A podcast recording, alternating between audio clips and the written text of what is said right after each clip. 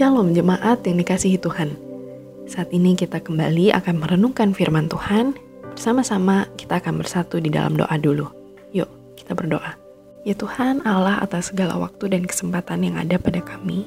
Kami saat ini ingin mengucap syukur karena Engkau kembali beranugerah kepada kami dengan memberikan kami waktu untuk boleh bersaat teduh, merenungkan firman Tuhan, dan diubahkan oleh roh kudus. Saat ini ya Tuhan, kami rindu agar Tuhan menyapa setiap kami dan memberikan kami kekuatan dan teguran lewat firman-Mu ini.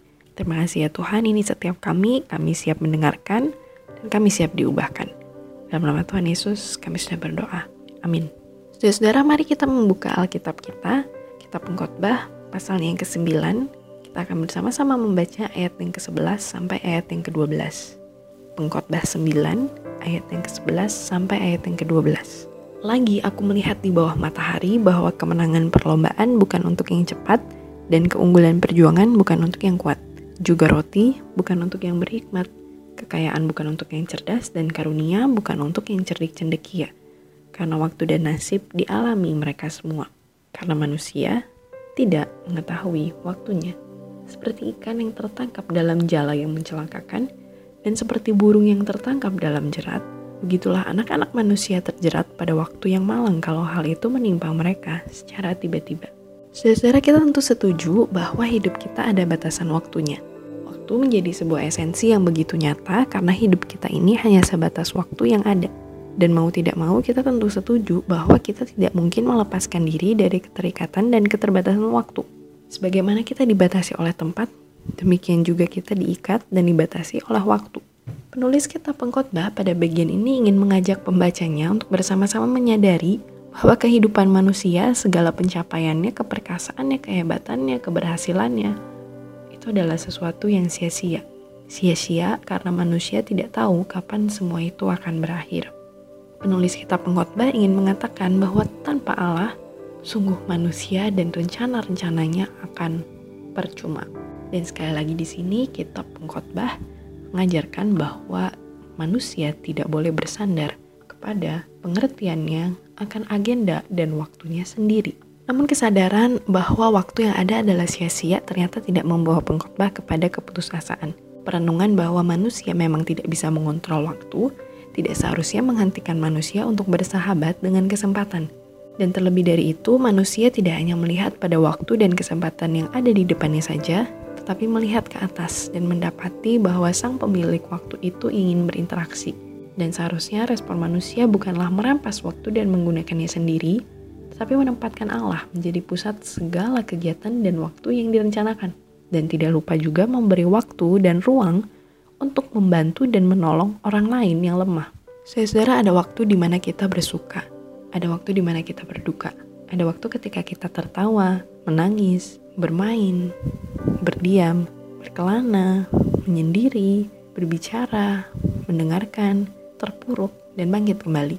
Dan pengkhotbah mengatakan bahwa kemalangan dapat menimpa secara tiba-tiba, waktu kapan pun, dan saat apa pun. Perenungan bahwa segala sesuatu adalah sia-sia, kiranya membuat kita semakin menyadari bahwa waktu yang ada saat ini adalah sebuah anugerah yang berharga, bukan karena apa yang kita lakukan, tapi karena ada Allah di dalamnya. Dan Allah itu memberi pengharapan di dalam setiap kita. Agar di dalam setiap musim waktu hidup kita, kita percaya bahwa Allah yang mengontrol segala sesuatu. Kita boleh merencanakan, kita boleh memperkirakan, tetapi kita tidak boleh lupa bahwa kehendak yang jadi adalah kehendak Allah. Dan setelah kita melihat kepada Allah, kita bisa menghargai waktu yang ada. Tidak lupa juga kita bisa menolong orang lain yang mungkin waktu dan kesempatannya belum sebaik kita. Saudara satu sampai dua bulan yang lalu pernahkah kita terpikir bahwa segala sesuatunya akan menjadi seperti saat ini? Pernahkah kita berpikir bahwa rutinitas kita akan dirombak sedemikian rupa oleh sesuatu yang tidak terlihat? Pernahkah kita berpikir bahwa realita yang ada di dalam hidup kita sebelumnya akan ditabrakkan dengan realita yang baru dan mau tidak mau kita harus menerimanya? Pernahkah kita berpikir bahwa ternyata makhluk hidup sekecil virus saja bisa membuat air liur kita menjadi senjata pembunuh yang masif? Pernahkah kita berpikir bahwa ternyata diri kita ini sedang diuji ketika rumah menjadi pusat dari segala kegiatan kita? Pernahkah kita berpikir bahwa waktu yang sudah kita lewatkan bersama dengan orang-orang tertentu mungkin bisa menjadi waktu yang terakhir? Entah waktu yang terakhir bagi kita atau yang terakhir bagi mereka. Saudara-saudara ini membuktikan sekali lagi bahwa di dalam segala kondisi, segala kemujuran, segala kemalangan, siapa yang mengontrol? Allah. Melanjutkan perenungan si penulis kitab pengkhotbah.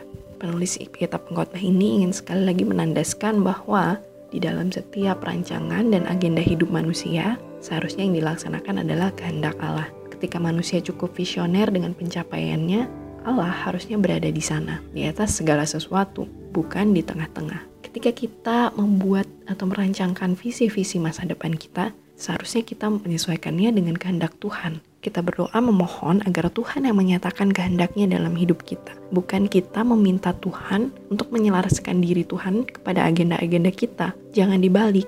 Pemahaman bahwa agenda kita harus menurut dengan agenda Allah akan menolong kita untuk benar-benar menghargai keberhasilan sekaligus kegagalan yang ada. Ketika kita berhasil, kita akan mengucap syukur kepada Allah. Dan ketika kita gagal, kita akan melihat bahwa memang kehendak Tuhan yang jadi. Dan ini akan membuat kita benar-benar menghidupi pernyataan bahwa Allah membuat segala sesuatu indah pada waktunya. Kemenangan perlombaan bukan untuk yang cepat, tapi untuk mereka yang menolong dengan tepat. Keunggulan perjuangan bukan untuk yang kuat, tapi untuk mereka yang taat. Juga roti bukan untuk yang berhikmat, tapi untuk mereka yang tidak seenaknya mencari nikmat. Kekayaan bukan untuk yang cerdas, tetapi untuk mereka yang dalam kecukupannya tidak bablas. Dan karunia bukan untuk yang cerdik cendekia, tetapi untuk mereka yang senantiasa mengandalkan dia. Karena manusia tidak pernah mengetahui waktunya.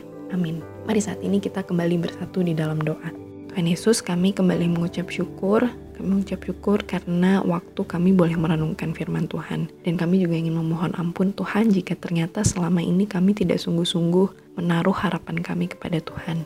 Kami memohon ampun Tuhan jika ternyata selama ini kami terlalu berfokus kepada rencana-rencana dan visi-visi kami tanpa mempedulikan apa yang ingin Tuhan kerjakan dalam hidup kami. Padahal ya Tuhan seharusnya kehendak Tuhan yang jadi dan kami taat. Kiranya Tuhan firman-Mu kembali boleh mengingatkan dan menuntun kami agar kami fokus pada apa yang Tuhan ingin lakukan dalam kehidupan kami. Sekalipun di waktu-waktu kami yang sulit ini ya Tuhan, kiranya Tuhan tetap menolong agar kami sungguh-sungguh mengandalkan Tuhan. Terima kasih Tuhan, di dalam nama Tuhan Yesus kami sudah berdoa dan mengucap syukur.